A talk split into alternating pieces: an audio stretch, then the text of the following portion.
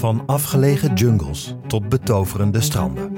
In de nieuwe podcast Reis naar de Dood vertel ik, David Lucier, hoe lang verwachte vakanties eindigen in een nachtmerrie. Iedere donderdag staat er een nieuwe aflevering klaar. Exclusief te beluisteren op Podimo. Ga naar podimo.nl slash reis naar de dood en luister één maand gratis naar al je favoriete podcasts. Je luistert naar Moorden in het Noorden, een podcastserie over de meest spraakmakende moordzaken in Scandinavië. Ons verslag van deze zaken is gebaseerd op bronnen die zich in het publieke domein bevinden, zoals interviews, persberichten en rechtbankverslagen. In sommige gevallen worden details uit dramaturgische overwegingen weggelaten, wanneer deze als niet relevant worden beschouwd. We willen erop wijzen dat onze podcastserie gewelddadige fragmenten kan bevatten die als schokkend kunnen worden ervaren. Wat je hoort is een waargebeurd verhaal, onderzocht en opgeschreven door Stine Angren en Barbara Gerhoff Nuholm en verteld door mij, Hanneke Hendricks.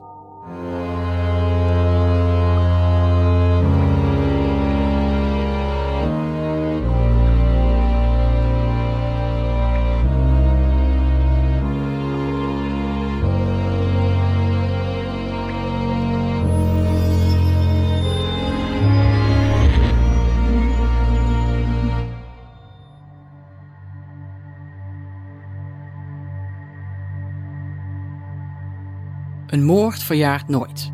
Zelfs als onderzoekers al hun mogelijkheden hebben uitgeput, wordt het dossier nooit helemaal gesloten. Het kan soms tientallen jaren duren voordat een dader, vaak in een hele andere zaak, een spoor achterlaat dat voor de politie het ontbrekende puzzelstukje is, om een oude moordzaak eindelijk te kunnen oplossen. Het kan een vingerafdruk zijn, een DNA-spoor of simpelweg de manier waarop de moord is gepleegd. In de herfst van 2017 volgt de hele wereld vol afgrijzen hoe de Kopenhaagse politie stukje bij beetje de waarheid over de moord op de Zweedse journaliste Kim Wall aan het licht brengt. De dader, een excentrieke uitvinder genaamd Peter Madsen, bouwde een eigen onderzeeër. Wanneer Kim Wall hem opzoekt voor een interview, gaat ze samen met hem een stukje varen in een duikboot. Ze zal nooit meer terug aan land gaan. Madsen probeert zijn misdaad te verhullen. Hij snijdt het lijk van het slachtoffer in stukken en gooit de lichaamsdelen vanaf zijn zelfgebouwde boot in zee. Het is een moord zonder gelijke in Denemarken, kopt de geschokte pers. Toch probeerde een Kopenhaags politieteam al 30 jaar daarvoor een soortgelijke zaak op te lossen. Die begon toen een taxichauffeur op de vrijdagmorgen van 31 oktober 1986 het alarmnummer belde. Bij Islandsbrugge, in de haven van Kopenhagen, dreef het afgehakte bovenlichaam van een vrouw. De politie denkt in de eerste instantie aan een ongeluk of een zelfdoding. Als iemand in het water springt of valt en te dicht bij een van de grote schepen komt die door de haven varen, is het niet ondenkbaar dat een scheepsgroef een lichaam op die manier kan verminken. Het zou niet de eerste keer zijn dat dat gebeurt. Maar al de volgende dag vinden twee jongeren in Christianshavn een andere hoek van de Kopenhaagse havens, een zwarte plastic zak met daarin de naakte torso van een vrouw. Het hoofd ontbreekt. Forensisch pathologen stellen al snel vast dat het om het bovenlichaam van een tienermeisje gaat en dat de twee vondsten in de haven met elkaar in verband staan. Het meisje is overduidelijk slachtoffer geworden van een misdrijf. De lichaamsdelen zijn immers niet vanzelf in een plastic zak terechtgekomen. Rechercheurs zoeken naar getuigen. Tegelijkertijd doorlopen ze alle recente vermissingen in de hoop het dode meisje op die manier te kunnen identificeren. In de haven duiken duikers naar meer lichaamsdelen. Zweedse forensisch onderzoekers komen naar Kopenhagen om uit te zoeken of de zaak misschien verband houdt met de onopgeloste moord op Catherine da Costa, een 28-jarige prostituee wie een stukken gesneden lijk twee jaar eerder ten noorden van Stockholm werd gevonden. Het duurt niet lang voordat een hondeneigenaar bij Ilandsbrugge een been van een dode vrouw vindt, niet ver van de plek waar de taxichauffeur vier dagen eerder het bovenlichaam in het water ontdekte. Om de dode vrouw te kunnen identificeren, heeft de politie meer informatie nodig. Er zijn geen sporen, niet eens een plaatsdelict. Daarom is de identiteit van het slachtoffer essentieel voor verder onderzoek. Haar omstandigheden, sociale relaties, levensstijl en gewoontes zijn nu cruciaal voor de jacht naar haar moordenaar. Als een opmerkzame voorbijganger enige dagen later een plastic zak opmerkt in de haven, hoopt men op een doorbraak in de zaak. De nieuwe vondst blijkt een teleurstelling. In de plastic zak treft men alleen een cavia aan. Een kind uit de wijk wilde zijn huisdier een zeemansgraf geven. Maar als de duikers de vindplek verder onderzoeken, zien ze in het water onder hen iets zwart drijven. Op de bodem vinden ze het hoofd van de dode vrouw, omgeven door haar lange zwarte haren die meedijnen op de stroming. Er verstrijken een paar dagen. Dan wordt in het water ook het tweede been van het slachtoffer gevonden. Forensische onderzoekers stellen vast dat het in stukken gesneden lijk al enkele weken in het water moet hebben gelegen, wat hun werk aanzienlijk moeilijker maakt. Toch slagen ze erin verdere aanknopingspunten te verzamelen die bij de politie een potentiële identificatie kunnen helpen. De vrouw blijkt iets ouder dan men aanvankelijk dacht. Ze zal begin 20 geweest zijn, in elk geval geen tiener meer. Er wordt aangenomen dat ze door wurging om het leven is gekomen. In haar bloed worden geen drugs of andere gifstoffen aangetroffen en buiten de sporen van de daadwerkelijke moord zijn er geen aanwijzingen voor verder geweld. De sporen op het lichaam wijzen erop dat de dader geen chirurgische of andere anatomische kennis heeft. Er kan bovendien uitgesloten worden dat het om dezelfde dader gaat die twee jaar eerder in Stockholm de prostituee vermoordde. De vingerafdrukken van de onbekende vrouw leveren niets op, maar men hoopt dat haar opvallende gebit en dan met name de kenmerkende stand van haar snijtanden een aanwijzing kunnen geven over haar identiteit. Forensische tandartsen ontdekken sporen van tandheelkundige behandelingen. Ergens moet er dus een patiëntendossier met röntgenfoto's zijn. Er wordt een oproep verstuurd naar alle Deense tandartsen, zonder resultaat. De dode vrouw blijft naamloos en ook haar moordenaar blijft onbekend.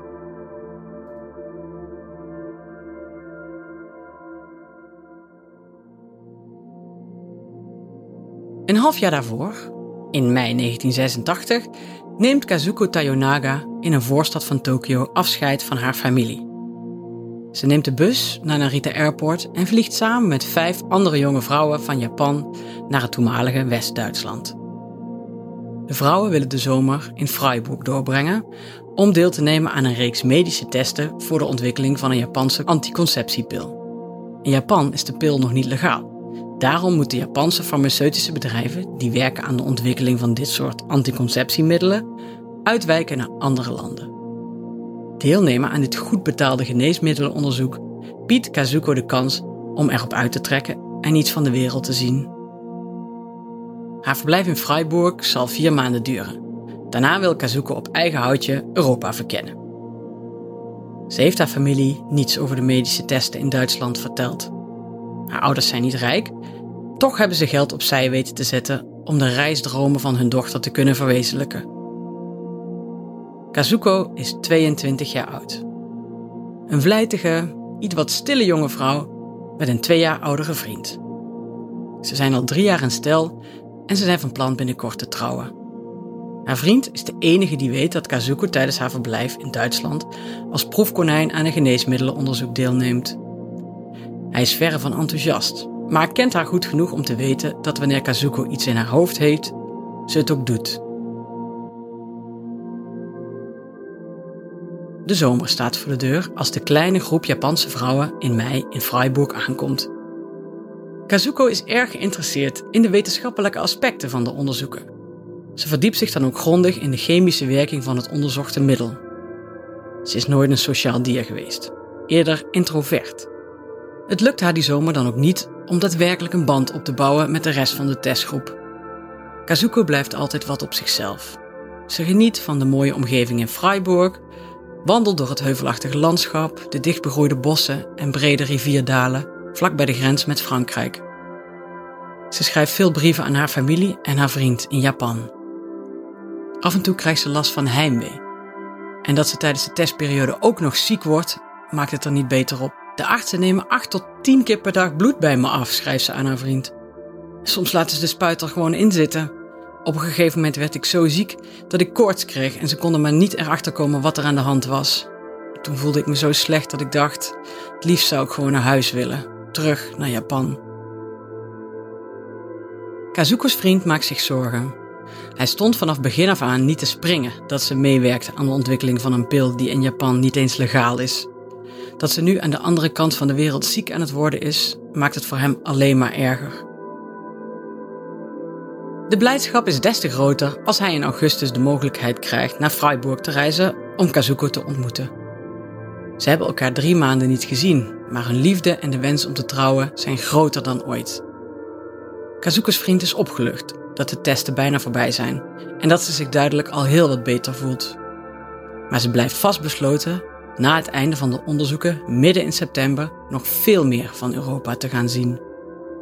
Met het geld van haar ouders en de vergoeding voor het geneesmiddelonderzoek is het Kazuko gelukt om 8000 mark te sparen, zo'n 4000 euro. Op 16 september neemt ze afscheid van de artsen, onderzoekers en de groep vrouwen waarmee ze van Japan naar Duitsland reisden. Met een interrailkaartje voor heel Europa op zak en een jeugdherbergpas voor goedkope overnachtingen begint ze aan haar reis. Paspoort, geld en tickets draagt ze in een zakje om haar nek. En in haar rugzak de andere benodigdheden. Kleding, toilettas, een radio, een camera en een slaapzak. Kazuko reist eerst naar Italië en Nederland voordat ze op 26 september in Amsterdam aan boord gaat van de Northwest Express richting Scandinavië. Op zaterdagmorgen komt ze aan in Kopenhagen. Ze brengt de dag door met sightseeing voordat ze diezelfde avond nog de nachttrein naar Stockholm neemt. Ze heeft in Denemarken de kleine zeemermin gezien, schrijft ze haar ouders vanuit de trein. Zondag brengt ze door in de Zweedse hoofdstad en ze overnacht in een jeugdherberg, voordat ze verder reist naar Oslo. Vanaf daar gaat ze dan weer terug naar Stockholm om de veerboot naar Helsinki te nemen. Aangekomen in Finland loopt de herfst op zijn einde. De temperaturen naderen het vriespunt. Kazuko koopt een bontjas voor bijna 1800 Duitse mark, dat is 900 euro, en gaat op een bankje in het park zitten om een brief aan haar geliefde te schrijven. Ben met de Svea Line in Helsinki aangekomen. Was net op de markt en heb een paar dingen gekocht, schrijft ze. Het is zaterdag 4 oktober 1986. Kazuko is in drie weken tijd kriskras door Europa gereisd en ze vertelt enthousiast over haar verdere plannen en waar ze nog allemaal naartoe wil. Het is de laatste brief die Kazuko's vriend van haar zal krijgen. Voor de anders zo vredige Scandinavische hoofdsteden die Kazuko tijdens haar reis die herfst bezoekt, is 1986 een ongewoon gewelddadig jaar. Zweden is nog steeds diep geschokt door de moord op premier Olof Palme die in februari van dat jaar midden op straat in Stockholm neergeschoten werd. Wanneer Kazuko Kopenhagen bezoekt, lijkt het gebied Ryesgede in de wijk Neurebro op een regelrecht slagveld. In de loop van september leidden straatgevechten en de politiebelegering van een kraakpand tot een ware noodtoestand. Voor het derde jaar op rij beleeft Denemarken een winter met extreem lage temperaturen. En vlak voor de kerst is de hoop van de politie op de vooruitgang in de zaak van de vermoorde vrouw in de haven dan ook tot een nulpunt gedaald. De politie heeft de hulp van de bevolking ingeschakeld. Wie heeft de 20 à 30-jarige tengere jonge vrouw met lang zwart haar en Aziatische trekken gezien of ontmoet? Onderzoekers krijgen maar weinig respons op hun oproep en geen van de tips brengt ze dichter bij een naam. Anderhalve maand na de vondst van de lichaamsdelen is het politieonderzoek op een doodspoor beland. Tandartsen in heel het land worden opnieuw gevraagd in hun dossiers op zoek te gaan naar het kenmerkende gebit van de onbekende vrouw. Via Interpol wordt een signalement onder politiediensten in Europa en de rest van de wereld verspreid. Maar het helpt allemaal niet. 1986 wordt 1987 en midden februari wordt de Kopenhaagse politie plotseling met een nieuwe brute moord geconfronteerd. De 73-jarige Edith Androep wordt aangetroffen in haar huis in Walbu. De dader heeft geprobeerd het appartement na de moord in brand te steken, maar dat is mislukt. Daardoor is het de politie gelukt één bruikbaar spoor veilig te stellen. De schoenafdruk van een populair Adidas-model voor heren. Deze schoenafdruk zal het Deense publiek nog tientallen jaren bezighouden. Het duurt bijna 25 jaar voordat er een dader wordt veroordeeld. Niet voor de moord op Indit Andrup, maar voor een reeks gewelddadige verkrachtingen en andere moorden. Hij wordt Ammerman genoemd, naar het Kopenhaagse district Ammer, en is een van de weinige seriemoordenaars in de Deense misdaadgeschiedenis. In 2010 wordt hij gearresteerd en in 2011 tot levenslang veroordeeld. Maar ook deze moord werpt geen nieuw licht op de onopgeloste zaak van de onbekende vrouw in de haven.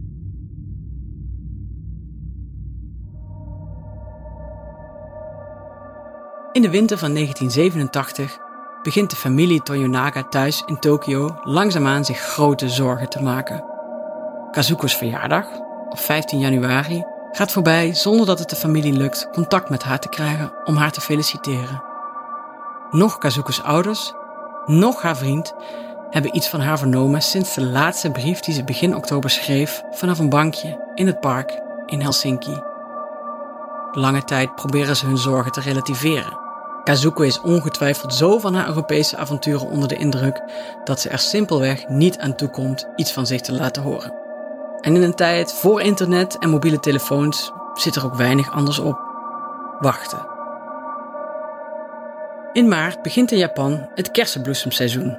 En de Toyonagas vieren ook dit feest noodgedwongen zonder een bericht van hun oudste dochter. Kazuko's ouders hebben haar inmiddels als vermist opgegeven. Haar vriend probeert op zijn eigen manier naar haar te zoeken. Aan de hand van haar brieven kan hij het grootste gedeelte van de route reconstrueren, die ze aflegt nadat ze uit Freiburg vertrok. Hij schrijft jeugdherbergen en hostels aan in de steden die ze heeft bezocht en vraagt na of iemand haar misschien gezien heeft. Hij krijgt veel reacties, maar ze zijn allemaal hetzelfde. Nee, niemand kan zich de Japanse herinneren die in haar eentje onderweg was, met alleen een rugzak. Als het mei wordt, is het al een jaar geleden dat Kazuko op het vliegtuig stapte richting West-Duitsland. En nog altijd is er geen enkel teken van leven. De Japanse politie begint mondjesmaat de details van de vermiste Kazuko door te geven aan de Europese autoriteiten. En in juni bereikt informatie over de zaak de Deense politie. Al snel worden er overeenkomsten opgemerkt tussen de vermiste Kazuko Tayonaga uit Japan en het nog naamloze slachtoffer uit de haven. De vingerafdrukken van de doden worden onmiddellijk naar Tokio verzonden, terwijl Japanse collega's hun verslag van het verhoor met Kazuko's familie naar Denemarken sturen. Eindelijk een doorbraak in de zaak, die nu al een half jaar muurvast zit. Kazuko's brieven maken het mogelijk haar route door Europa te reconstrueren. In een brief schrijft ze aan haar vriend dat ze vreselijke kiespijn heeft gekregen en naar een tandarts in Freiburg moet. Met hulp van de West-Duitse politie lukt het de desbetreffende tandarts te lokaliseren. Medische dossiers en röntgenfoto's kunnen nu worden vergeleken met de bevindingen van de forensische tandarts in Kopenhagen. In Tokio neemt de politie vingerafdrukken van Kazuko's bezittingen om te zien of ze overeenkomen met de afdrukken uit Denemarken. Op 2 juli 1987 Negen maanden nadat men de lichaamsdelen in de Kopenhaagse haven aantrof, krijgt het rechercheteam dan eindelijk antwoord op twee van hun vele vragen. De afdeling tandheelkunde van de Kopenhaagse Universiteit bevestigt dat de Freiburgse tandartspatiënt dezelfde is als de vrouw uit de haven. Tegelijkertijd ontvangt men uit Tokio een telegram met het bewijs dat de vingerafdrukken van het lijk voor 100% overeenkomen met die van de vermiste Kazuko Tayonaga.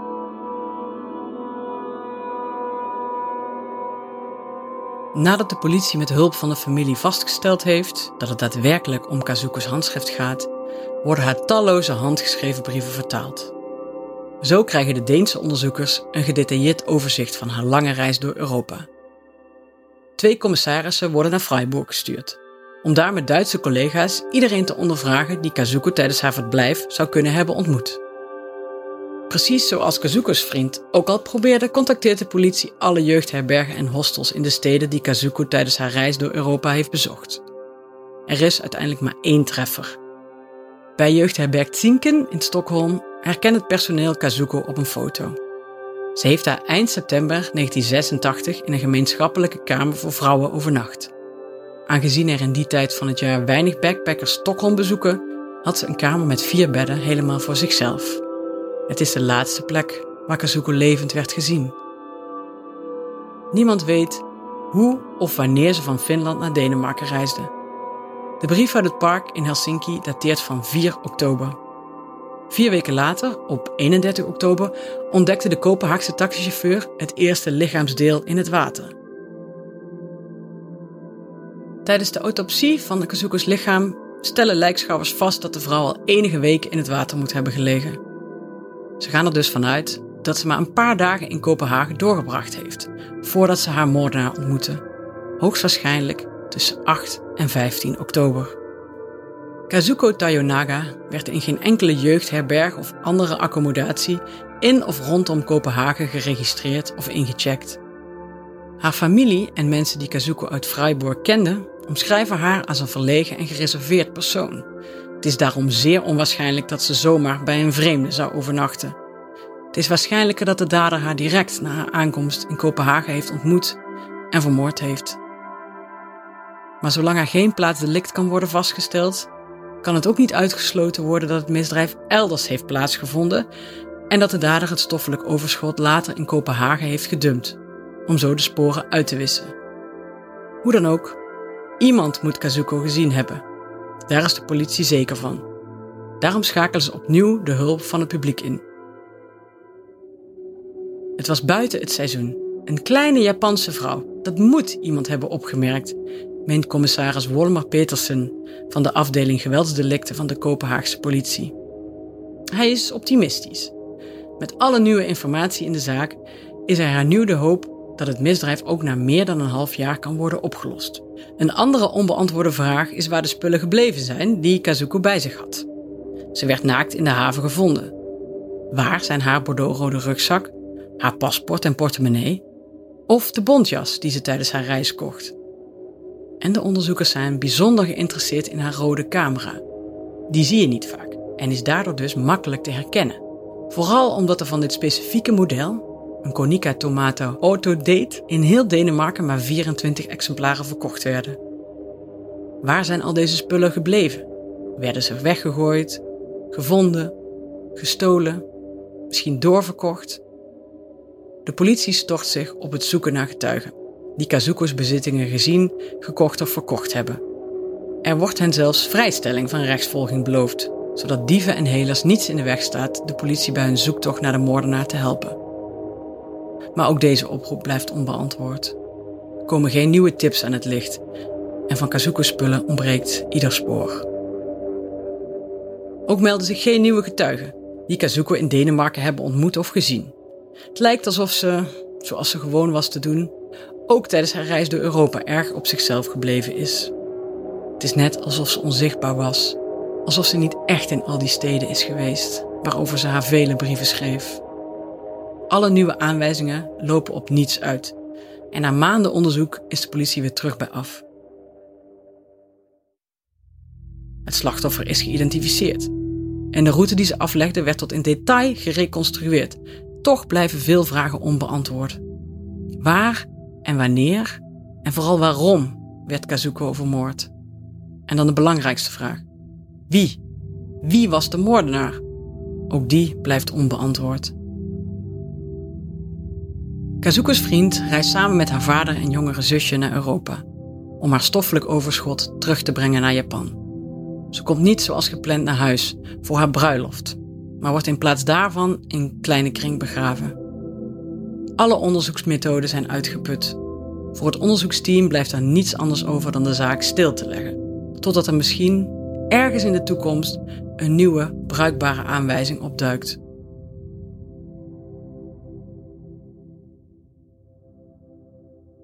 Dertig jaar later, op 21 augustus 2017, vindt een wandelaar aan de kust van Armer een romp van een vrouw.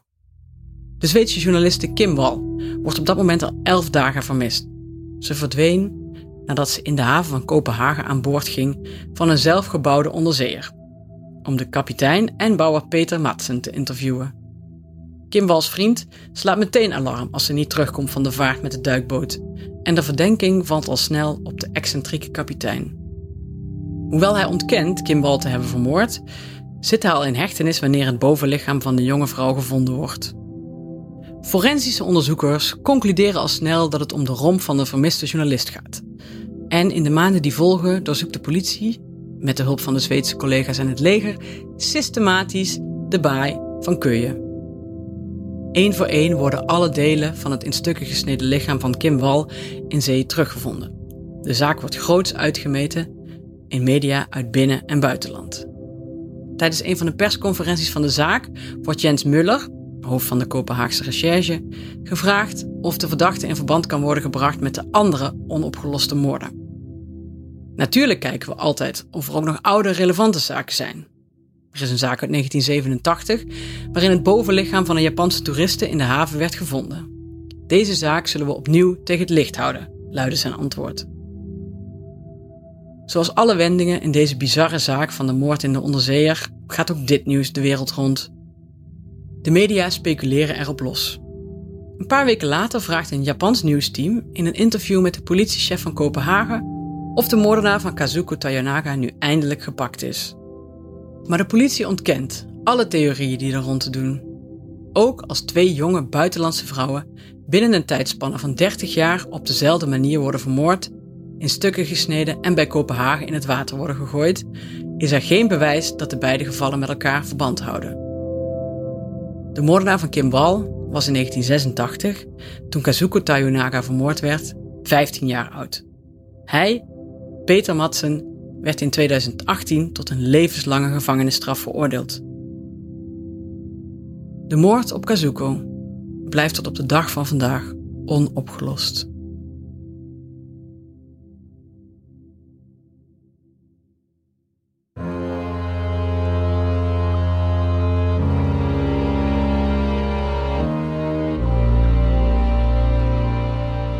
Dit is de Nederlandse versie van de Deense serie Moord in Noord en is een productie van Dag en Nacht Media in opdracht van Podimo. Tekst en research Emil Hansen. Vertaling Lotte Lentes. Ingesproken door Hanneke Hendricks. Montage en mixage Jeroen Sturing. Productie door Anne Janssens namens Dag en Nacht Media.